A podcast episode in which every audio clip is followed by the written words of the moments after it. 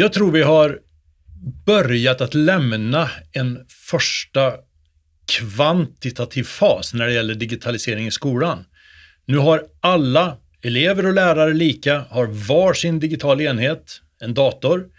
Vi har accesspunkter i varenda vrå av skolorna.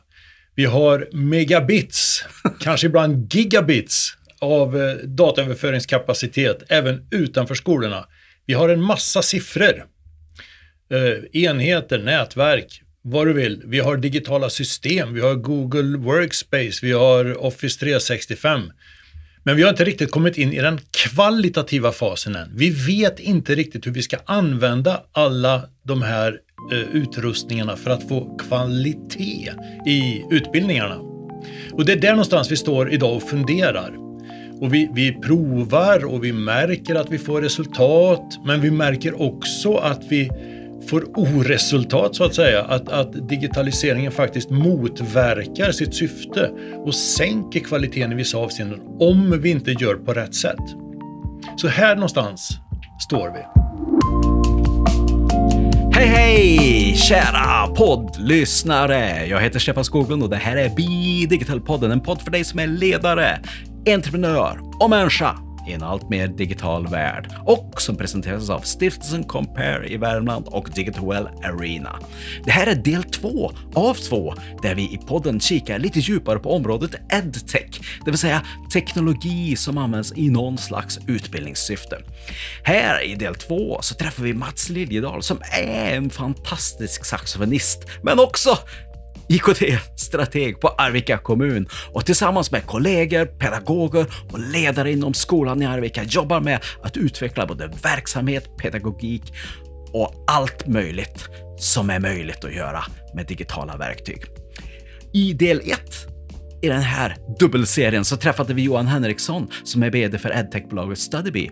Han berättade om sin syn på edtech-området just nu och hur de jobbar tillsammans nära med kunderna för att implementera sitt digitala verktyg Studybee i svenska skolor. Så lyssna gärna på det avsnittet också om du inte har gjort det än. Vi tyckte nämligen att det skulle vara intressant att få lyssna på två perspektiv kring edtech, både från en leverantör och från en kund. Alltså från ett startup i det här fallet då, och från offentlig sektor. Och deras olika, men också lika sätt att se på saken. Men nej, nu tycker jag att det är dags att vi sätter igång och lyssnar på vad Mats har att säga. Spännande!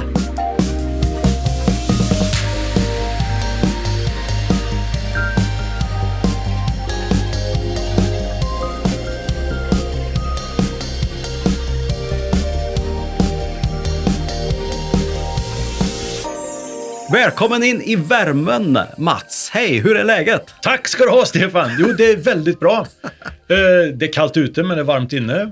Och vi har ett jättespännande samtal.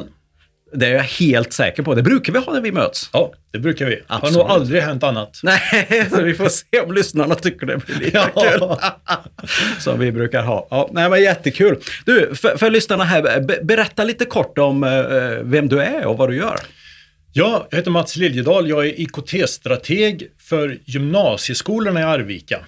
Och det betyder att jag har ett eh, ansvar för att tänka långsiktigt och att tänka hur kan vi använda de digitala verktygen i vår verksamhet så att de verkligen bidrar med kvalitet i undervisningen. Jag har en kollega som heter Niklas Nord som är IKT-strateg för grundskolorna, så han har ett liknande uppdrag där. Och sen har vi en IKT-strateg för förskolorna, hon heter Ann-Charlotte Axelsson. Eh, Så vi har ett antal eh, personer inom eh, Arvika kommuns skolorganisation som jobbar med de här frågorna och som har det här övergripande och långsiktiga ansvaret. Brukar det se ut så här på kommunerna? Jag är bara nyfiken. Eller är det en unik organisation som just ni har byggt upp? Ja, jag tror att vi är ganska unika med att vi har så att vi har faktiskt tre personer som tittar på de här olika delarna av skolorganisationen utifrån de här långsiktiga perspektiven. Speciellt mindre kommuner har svårt att, att ha råd helt enkelt att ha folk anställda så. Men i Arvika så satsar man ganska mycket på skolan och man har satsat på det här. Så att jag tror vi är lite unika. Jag är ju nyfiken på just din definition av edtech som vi pratar om här idag. Vad, vad, skulle du säga att det handlar om? Ja, det, är- det är ju en väldigt spännande eh, fråga och en väldigt spännande definition. Ja. Och egentligen så, vi har ett problem, om jag börjar med det. Det är att i skolans värld så hanterar man lite för ofta det digitala som någonting särskilt, någonting lite grann vid sidan om. Man har liksom den riktiga undervisningen och sen har man det digitala. Och det är ett problem, så att på det viset så är, blir liksom edtech ett slags problem. Därför att det vi försöker åstadkomma så är det naturligtvis en integration.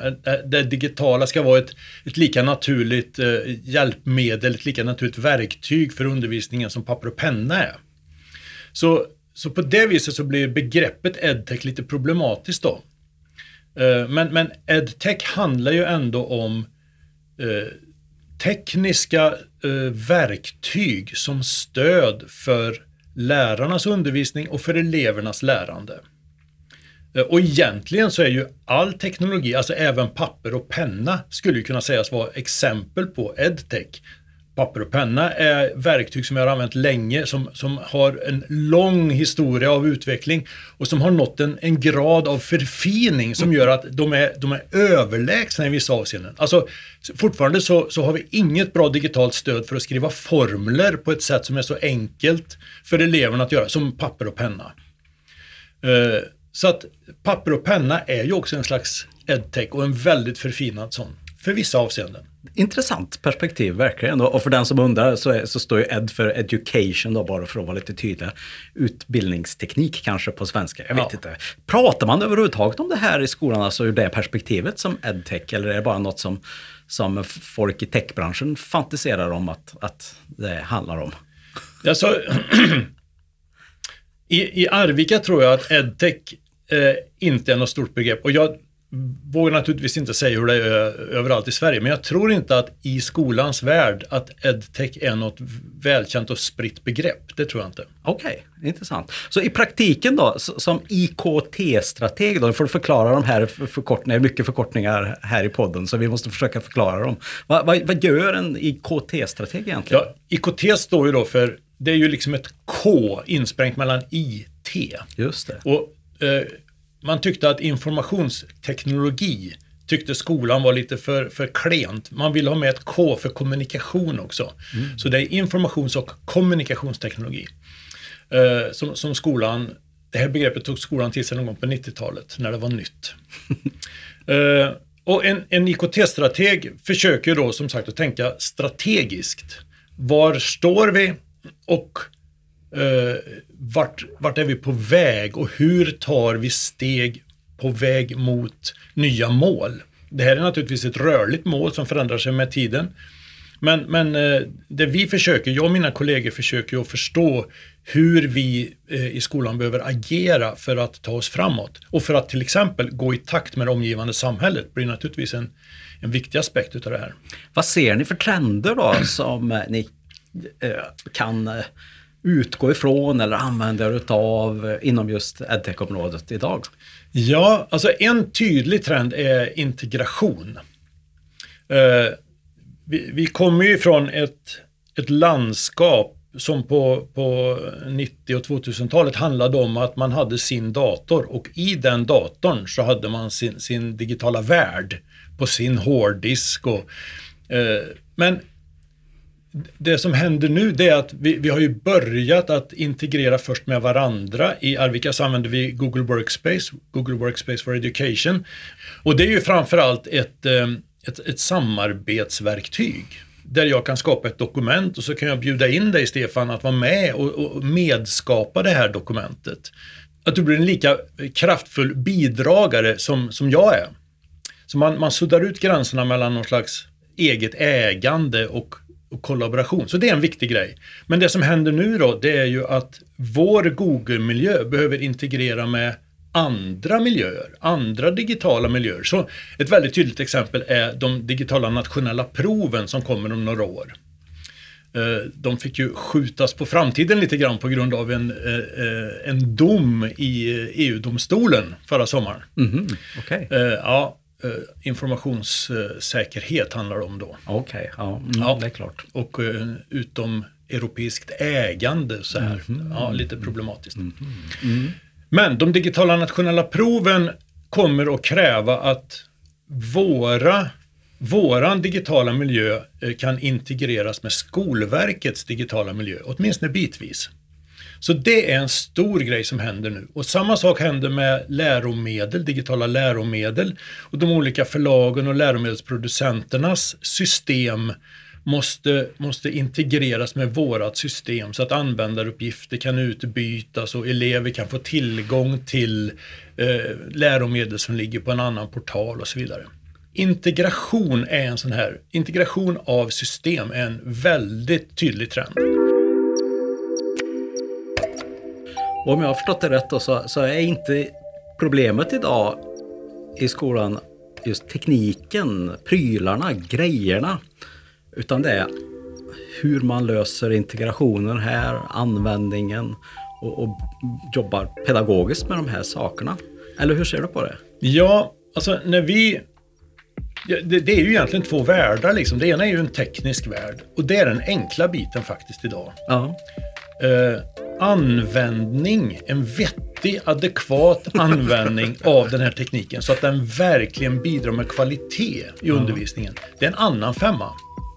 Det, det, känner man ju igen kanske från eh, företag och eh, ja. inte bara skolans värld utan Nej. i andra sammanhang också. Så är det ju. Ja. Och du inför ett nytt digitalt system ja. och egentligen så är ju syftet med det att det ska förändra verksamheten i någon mening. Och skolan är ju en väldigt komplex Eh, verksamhet och att vara lärare är ett komplext och ganska svårt jobb. Du ska, du ska hjälpa unga människor att växa, lära sig saker, bli redo för, för samhället och vuxenlivet. Och samtidigt så ska du vara en myndighetsperson som sätter betyg på dem i det här. Så du ska hjälpa och stötta, men du ska också bedöma. Och det där gör att skolans värld är komplex och att det finns glidande skalor mellan de här olika uppdragen. Och det gör att de digitala verktygen som ska stötta det här blir ju på motsvarande sätt komplexa verktyg. Eh, så ett, ett, ett stort arbete för, för mig och mina kollegor, det är ju att hjälpa verksamheten att förstå hur man ska använda de tillgängliga digitala resurserna på sådana sätt att det verkligen bidrar med kvalitet i undervisningen. Och det är inte trivialt att göra det. Så det här är både en inspirationsdel kan jag tänka mig och en informations och motiverande del som blandas här. Ja, det är det ju. Så för min del så handlar det om att, att försöka förstå hur de digitala verktygen verkligen kan användas i skolan. Och det måste jag göra naturligtvis genom att prata med lärare, visa, här har vi en ny funktion nu i Google Workspace. Eh, jag anar att man skulle kunna använda den så här, vad tror ni om det? Och sen när vi har börjat att förstå hur vi kan använda de digitala verktygen så måste det också fattas beslut om att det ska användas på ett visst vis. Och det är också någonting nytt i skolan. Vi kommer ifrån en tradition där lärarna har varit väldigt autonoma. Varje lärare har gjort som den själv har, har eh, tyckt varit bra i, i en massa olika aspekter. De nya digitala verktygen är ju i väldigt stor utsträckning som sagt samarbetsverktyg. Och det gör att man måste börja eh, samarbeta och det leder till att man måste göra på samma sätt. Det går inte längre att varje lärare gör på sitt sätt utan man behöver mer och mer samordna sina arbetsformer, sina arbetsflöden för att göra på samma sätt. Vilket ger ett helt nytt uppdrag åt rektorerna i sin tur som då behöver fatta beslut om och på ledningsnivå eh, bestämma att nu gör vi så här. Vi jobbar på det här viset för att till exempel skapa betygsunderlag eller skapa underlag för utvecklingssamtal och så här. Eh, de digitala verktygen förändrar rollerna och uppgifterna i skolan. Och en av mina roller blir då att förse till exempel skolledning med beslutsunderlag. Hur går det här till då? För jag förstår att ni skannar ju allting som händer, olika verktyg och tekniker och så vidare och väljer ut och process. Hur går en sån process till? Ja, den är ju den är lite fasciokotisk naturligtvis. som betyder? ja, det, alltså, det, det, beror på, det beror ganska mycket på uh, vad det är för typ av verktyg. Vi får uh, information om att nu finns det den här möjligheten eller nu finns det här verktyget och då måste vi strateger på något vis ändå göra en bedömning. Är det värt att gå vidare med det här eller är det någonting vi ska lämna därhän? Eh, om vi tycker att det är värt att gå vidare med så försöker vi att samla en grupp lärare och så försöker vi att, att antingen själva eller om utvecklaren visar systemet och, och, berättar hur det är tänkt att användas. Och så försöker vi att, att eh, med en lite större grupp avgöra om det här är någonting vi vill, vill gå vidare med. Därför att, som sagt, införandet av ett nytt digitalt verktyg har ju till syfte att faktiskt förändra verksamheten.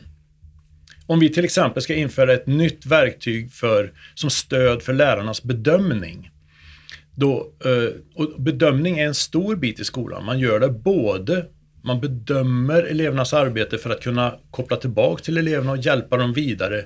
Så det är en sida av bedömning. Och en annan sida av bedömning är betygssättning. Det här behöver då hanteras och ett, att införa ett verktyg för det här kommer att påverka verksamheten. Så nu tittar vi till exempel på olika typer av stöd för bedömning som gör att lärare kan få en överblick över en elev, eh, dels enskilda elevers eh, hur de ligger till och deras framgångar, men också hela elevgruppers för att försöka ta reda på vart har många svårt, vart har enskilda svårt. Eh, och det här som sagt påverkar hela verksamheten och det gör också att lärare behöver jobba på samma sätt. Eh, så att när man väl har bestämt sig för ett verktyg, jo det här är värt att gå vidare med. Eh, så behöver man då fatta ett beslut om att nu, nu börjar vi använda verktyget och det innebär att vi behöver förändra våra arbetssätt på det här viset. Så då måste det ha fattats beslut om dels att, att verktyget ska användas och dels om hur det ska användas. Eh, och det påverkar många människor. Det påverkar i gymnasiets fall då så påverkar det eh, ett drygt hundratal lärare och eh, nästan tusen elever. Så att det är många människor involverade i de här processerna. Eh, och det gör dem lite, lite, lite fussy och lite, lite kaotiska på ett sätt. Men ändå hyfsat strukturerade när ni tar det stegvis på det här sättet. Och det är ju inte så att ni bestämmer någonting och så inför ni det här rakt upp och ner. Utan ni har ju med användarna i form av lärare och elever här då och testar och prövar i mindre skala för att sen skala upp det där man då måste fatta ett beslut eh, och verkligen införa det i en större bredd. Så det finns ju ändå en systematik här tycker jag i det. Ja, ja, det finns nog en systematik eh, som vi kanske inte själva förstår alltid. Men du har nog helt rätt att det finns en systematik här. Och sen, sen är det också så att, eh, att förankring blir ju A och O här utan att förankra i verksamheten eftersom det är så den påverkar verksamhetens flöden, arbetsflöden eh, på fundamentala sätt så måste det vara förankrat i verksamheten annars så kommer det inte att funka. Antingen så kommer det innebära att folk inte använder systemet eh, eller att bara några använder ett system och ett system vars syfte är att skapa överblick, helhet som bara används av några få, det kommer inte att fungera. Nej. Så därför är det ju naturligtvis väldigt viktigt att alla är med på båten. Så förankring blir väldigt viktigt. Det här, tänker jag, gäller ju inte bara skolans värld på det här stället, det gäller ju andra organisationer också, företag såklart. Eh, eh, hur viktigt förankringen är och inte bara kasta ännu ett system in i ansiktet på folk som de plötsligt ska använda. Det vet man ju hur det känns att få det. Eh, ingen höjdare. Nej. Så äh, jättespännande. Vad har du mer för sådana här praktiska tips? Vad behöver man tänka på då när man förankrar saker på det här sättet? Hur gör man det här i verkligheten? Ja, man, man måste ju vara väldigt noga med att fundera igenom eh, vilken kvalitet är det vi vill åt? Vilket, vad är problemet som ska lösas? Det har vi kanske inte gjort i den här kvantitativa fasen som vi nu håller på att lämna då. Mm. Utan där har ju eh, målet har ju varit mängd, att få ut Eh, digitala enheter, att få ut digitala system, att få ut nätverksaccesspunkter eh, i skolorna. Men vi har funderat mindre på, okej, okay, eh, vad kommer detta att innebära och vad, hur kommer kvaliteten att påverkas? Så det är väldigt viktigt att faktiskt fundera på kvalitetsaspekterna. Jag vet ju, säkerheten är otroligt viktig i skolan också såklart och som för alla verksamheter. Men jag vet ju att ni just specifikt har jobbat med elektroniska chip. Så kan du bara berätta som ett exempel om hur, hur det har gått till, det arbetet? Ja, i takt med att vi digitaliserar mer och mer av vår verksamhet så innebär det också att vi hanterar mer och mer eh, till exempel känsliga personuppgifter digitalt. Tidigare gjorde vi det på papper. Nu gör vi det mer och mer digitalt. Och när man gör det digitalt så, så blir också ett, då blir det ett fokus på säkerhet. Det visar sig ju när vi tittar bakåt i backspegeln att den där pappershanteringen vi höll på med, den var ju extremt osäker. så allt vi gör, all, alla flyttar vi gör ifrån papper till digitalt ökar ju säkerheten. Men det gör ju också att, att eh, när vi nu delar allting i moln, i molntjänster, så blir ju allting tillgängligt både för användare nära oss, rent geografiskt, men också för människor långt ifrån oss. Så eh, potentiellt sett så, så, så, blir en läcka mer allvarlig. Så därför så måste vi börja tänka på detta med informationssäkerhet på ett helt annat sätt. Vi har också ny lagstiftning som GDPR till exempel, som, som ställer krav på oss som vi inte har haft tidigare. Så från 25 maj 2018 så, så måste vi börja tänka på att till exempel gallra. Sen är det väl också rent allmänt så att vi pratar mer om informationssäkerhet idag. Vi pratar om till exempel tvåfaktorsinloggning och tvåfaktorsautentisering och så här. Mobilt BankID är ett exempel på det. Och, och, det visar sig när man börjar titta på det att, att bara ha ett lösenord som enda inloggningskriterie så det är för klent. Vi har ju haft några incidenter i Arvika skolor också där personer har kommit över lösenord eh, felaktigt och kommit över andras konton. Så, så vi, vi, vi, vi, märker att vi måste börja stärka säkerheten. Och därför så har vi då beslutat att införa tvåfaktorsverifiering för all personal i skolan. Eh, och då funderade vi på hur vi skulle hur vi skulle ha råd med en andra faktor och vad, hur den skulle se ut. Och till slut så kom vi då fram till att en, en USB-nyckel, den är både säker och överkomlig i pris. Så vi, vi jobbar med, med USB-nycklar från Yubico. Okej, okay. just det. Och det var det som jag lite slarvigt kanske uttryckte för elektroniskt chip. Men ja, ja jag vet inte. det kanske inte var rätt ord. Men, eh, men otroligt spännande. Vilket innebär att, att eh, man då, för att förtydliga för lyssnarna också med tvåfaktorsauktorisering här, att man måste ha med sig den tillsammans med ett lösenord. Då. Ja, precis. För att det ska funka. Ja. Så det är en fysisk grej. Det är en fysisk, en, en, liten blå fysisk grunka. Som man, precis som den vanliga nyckeln, när man kommer till skolan på morgonen så låser man upp dörren till sitt klassrum. Uh, och så går man in och så stoppar man USB-nyckeln i sin dator och låser upp datorn, eller åtminstone sitt Google-konto med nyckeln. Så det är samma idé, liksom, nyckel som nyckel. Och det är till och med så att vi, har, vi rekommenderar lärarna att ha USB-nyckeln på den vanliga nyckelknippan. Så jag har, jag har i, i, i fickan här så har jag min USB-nyckel på nyckelknippan. Ja, just det. Ja. Lite spännande. Så, och det här kan ju användas av andra företag också såklart, eh, den typen, principen. Ja. Um, så bara, alltså, det låter ju som det är hyfsat enkelt att införa en sån här grej. Det, väl, det känns ju liksom, ja men vad fan, det är väl bara att införa det här. Hur svårt kan det vara? Hur har det varit? Ja, vi vi började för snart eh, tre år sedan. tre år sedan? Ja, okay. började vi. Och, och ja. började titta på detta med säkerhet i vår miljö och vi började titta på okay, vad kan vi göra under huven så att säga ja. på vår Google-miljö. Eh, och började skruva där och eh, framförallt så började vi att jobba med att, att designa miljön i den mån vi har eh, möjlighet att påverka så att vi minskar risken för oavsiktliga fel. Det var en sak som vi började titta på tidigt. Mm. Uh, och sen måste vi också tyvärr strypa lärarnas frihetsgrader lite grann. De kan inte bara uh, hitta egna appar och så här och börja använda dem hur som helst därför att Eh, potentiellt sett så kan de vara stora säkerhetshål. Då. Så vi behöver ha reviewprocesser på plats så att, att, någon instans i kommunen går igenom ett förslag på en ny app. Om lärarna för, eh, ger förslag på att vi vill använda den här, eh, på, på det här pedagogiska viset och med den här pedagogiska motivationen så, så går vi igenom och tittar på, okej, okay, är, är det här tillräckligt säkert ur ett informationssäkerhetsperspektiv? Ja, men sen så, så var det också detta med, med tvåfaktorsinloggningen och eh, vi, vi, såg att vi behövde titta på det och vi funderade på om vi skulle ge varje anställd en, en eh, mobiltelefon till exempel men det insåg vi ganska snart att det har vi inte råd med så då började vi titta efter alternativ till det.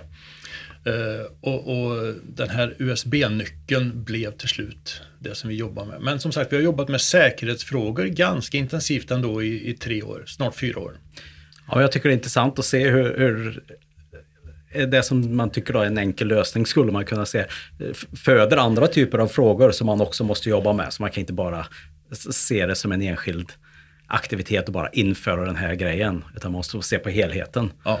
Och det tycker jag du beskriver på ett bra sätt här. Ja. Om vi då kikar ur elevernas perspektiv här. Uh, hur har pedagogiken ändrats med de här digitala möjligheterna som vi har nu för tiden? Ja, alltså det, det, är en speciell fråga att svara på för att eh, det beror fortfarande till ganska stor del på vilka lärare eleverna möter. Vissa lärare tar till sig det digitala och jobbar mycket med det eh, och ger på det viset eleverna en, en rejäl digital kompetens. Andra lärare har inte börjat arbeta med det digitala på samma vis än och där får inte eleverna samma möjlighet att, att utveckla en egen digital kompetens. Så det ser ganska olika ut ifrån klassrum till klassrum och det här är också någonting som, som både skolledningar och eh, enskilda lärare har börjat upptäcka och identifiera som ett, en utmaning. Det här är någonting vi behöver jobba med, att öka likvärdigheten.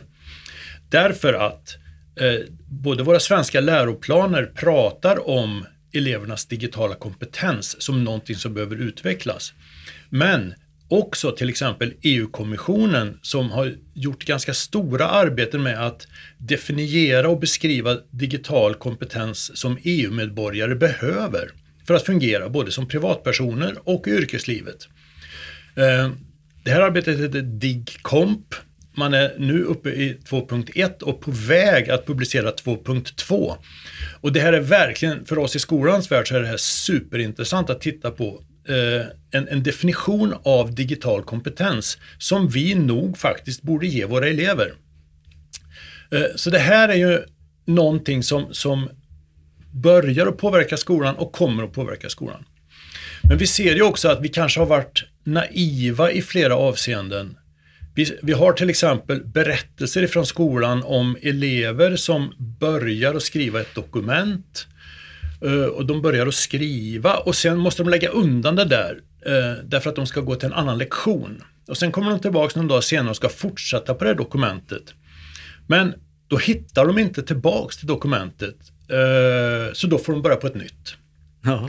Så istället för att fortsätta så börjar man på nytt och på nytt och på nytt.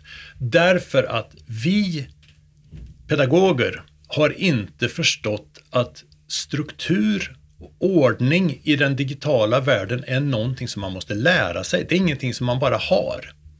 Utan det är någonting som man måste lära sig. Så att ge elever en digital kompetens och vilken kompetens och hur den, vad den består av för delar behöver vi prata om. Bara så, så jag förstår i det exemplet du pratar om här då. Så, så när man börjar att skriva på ett dokument då, i, i Google Doc till exempel, mm. så fattar man inte att man gör en fil som sparas. Utan att man, eh, så bara börjar man igen på en ny fil nästa gång, så att ja. säga. Utan att hitta den gamla, bara ja. som exempel då. Ja. Men det genereras ju filer som man så att säga kan mejla till varandra eller skicka eller dela och så vidare. Men, men, det är ju ett exempel på, ja, och då räcker elevernas digitala kompetens liksom bara till att skapa ett nytt dokument ja, och skriva i det. Ja. Men den digitala kompetensen är inte tillräckligt stor för att sen skapa en struktur av dokument och att kunna hitta tillbaks till dem och på ett ordnat sätt använda sig av dem. Nej, precis. Det tänker jag även på det här med, med kalendrar och så här. Um, att eh, det läggs upp då i Google Classroom kalendrar och så vidare. Vad, vad, vad, tycker du om det? Att, att, man, att lärarna lägger upp det här och att det är tillgängligt för eleverna alltid på ett sätt som det kanske inte var tidigare? Nej, alltså, det finns två sidor av det. Den ena är väldigt positiv. Lärarna har lätt att kommunicera med eleverna. Man gör det på ett ställe och man kan ha allting samlat där. Det är ingen risk att en lös papperslapp i väskan försvinner. Nej. Det går alltid att gå tillbaka till Classroom och hitta informationen. Mm. Å andra sidan så, eh, så har jag pratat nyligen med, med lärare som säger att det verkar som att eleverna liksom inte har någon riktig struktur på sin skoldag. Det är någon i klassen som har koll på att ja, men nu har vi matte och nu har vi idrott och eh, någon, ofta en tjej som, som håller koll, hjälper till att hålla koll på att nu ska vi ha med oss det här imorgon och sådär. Men det är ingenting som var och en har. Och det kan till exempel bero på att eleverna har inte fått en introduktion till den digitala kalendern. Eh, när jag gick på högstadiet så hade jag en elevkalender i papper. Där kunde jag skriva upp mina franska läxor och mitt fysikprov och den där inlämningsuppgiften på den där kemilabben. Eh, jag skapade min egen struktur och jag fick träning i att göra det. Jag tränades och tränade mig i att skapa struktur i min vardag. Men det vi, det vi börjar ana är att eleverna idag får inte den träningen. De har inte fått en introduktion till de verktyg som de har eh, tillgängliga, till exempel Google-kalendern. Men det är också hela tiden någon annan som skapar strukturen åt dem. Lärarna skriver i Classroom, eh, de har den där klasskompisen som hjälper dem, men de får inte någon riktig träning i att göra det själv. Precis, det finns ju då en poäng i att faktiskt fysiskt ändra skriva en kalender eller skriva på sin egen eh, digitala kalender. Bara att skriva in det så bygger det en struktur och, och man, man förbereder sig i hjärnan inför det här provet eller vad man nu antecknar. Ja. Den processen jämfört med att allting finns tillgängligt alltid så jag kan kika på det när jag vill och, och därför kollar man inte ens kanske. Utan Nej, bara, precis. Så det händer dagen. Ja. Ja, jag vet. Ja. Ja, intressant. Ja, det- är intressant. Och, och det här tar ju liksom, det tar tid att få syn på det här. Vi ser att saker händer, men vi förstår inte alltid varför. Eh, och, och när vi långsamt börjar förstå då, så är det ju sen en bit till att försöka lösa problemet.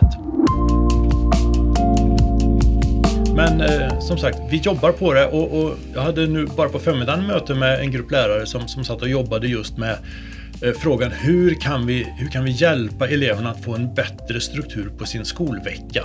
Och kalendern, den digitala kalendern, eh, var ett verktyg som vi tittade på. Och vi tittade också på detta. För, så att det digitala verktyget är en sak, men sen har vi detta med ansvar som, som blir en, en annan del av detta. Alltså hur hanterar vi det på, på ett pedagogiskt och kommunikativt och, och på andra sätt? Liksom.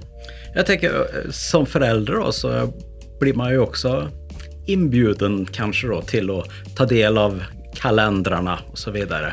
Och kanske också som förälder skriver upp då att då är det prov då och då för min son eller dotter eller vad, vad, vad det nu är.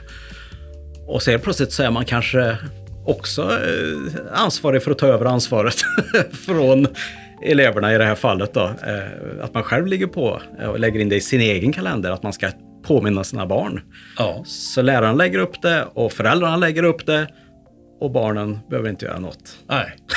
Och då, då berövar vi barnen en chans att faktiskt lära sig och att själva skapa en struktur. Så skapar en struktur. Precis, så kommer man ut sen lite senare i livet och ja. Ja. Ja, Så- men, ja så- det är intressant. Ja, det är intressant. Ja. Och det här är ju också så att skolan kan ju inte ta för givet att alla föräldrar är sådana som, eh, som då skriver in i sin egen kalender för att hjälpa eleven, utan eh, vissa föräldrar kommer aldrig att göra det. Så skolan kan liksom inte förutsätta ett visst eh, föräldraengagemang här heller, utan man måste ha många dörrar öppna och man måste kunna eh, hantera det på många olika sätt. Jag tycker att det är intressant här hur man testar någonting, lägger upp det, prövar och, och sen så, så kommer det nya frågor när man väl har infört det som man inte har tänkt på. Nya konsekvenser Precis. som man inte har tänkt på. Och så, Ja. och så får man liksom lösa dem också. Så att det, det är aldrig riktigt färdigt i den här världen. Nej. Nej. om, om jag förstår det rätt. Verkligen, och det är så att den dagen vi inför ett digitalt system så börjar resan.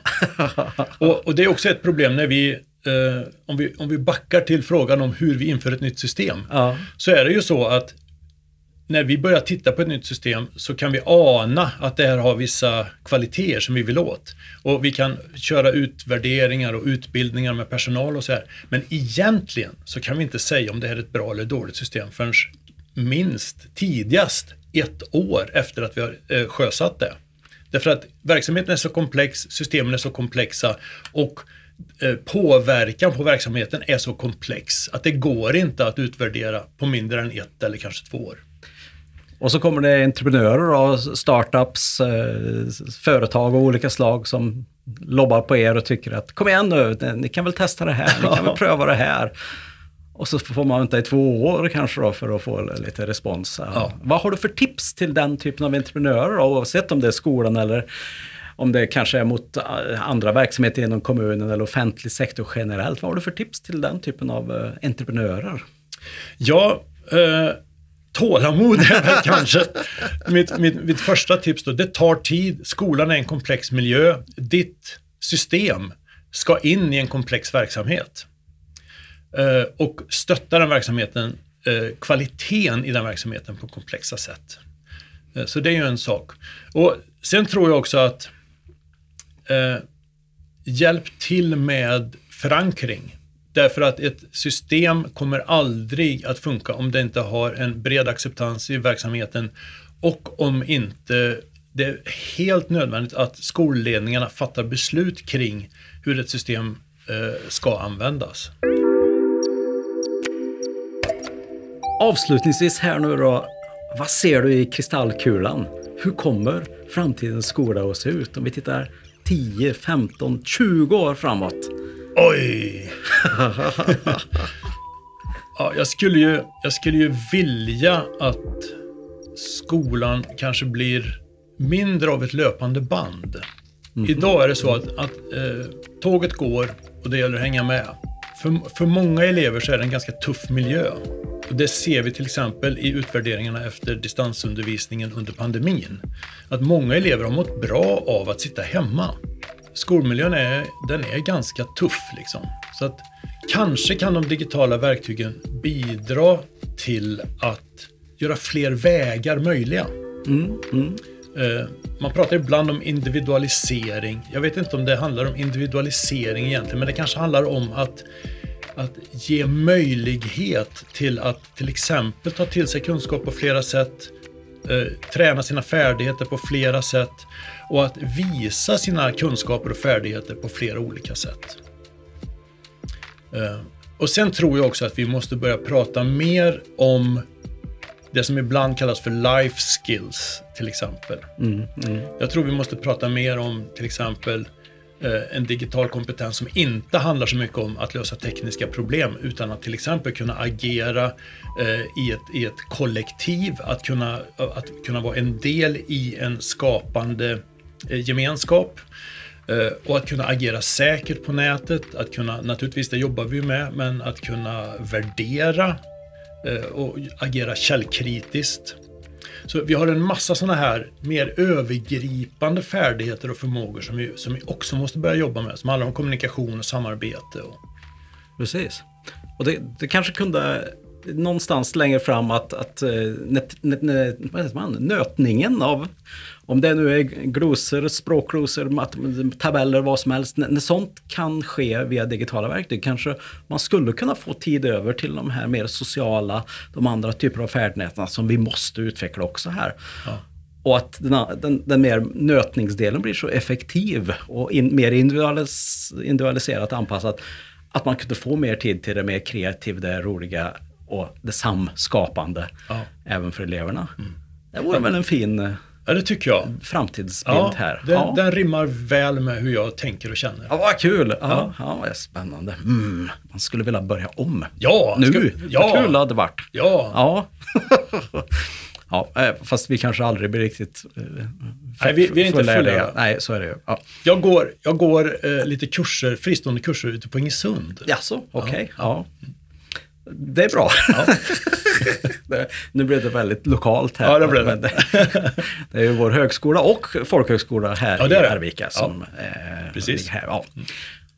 Då, då, måste du få svara på frågan här Mats. Personligen så här, skip, tänk, glöm yrke och allting så här. Vad är din absoluta favoritapp?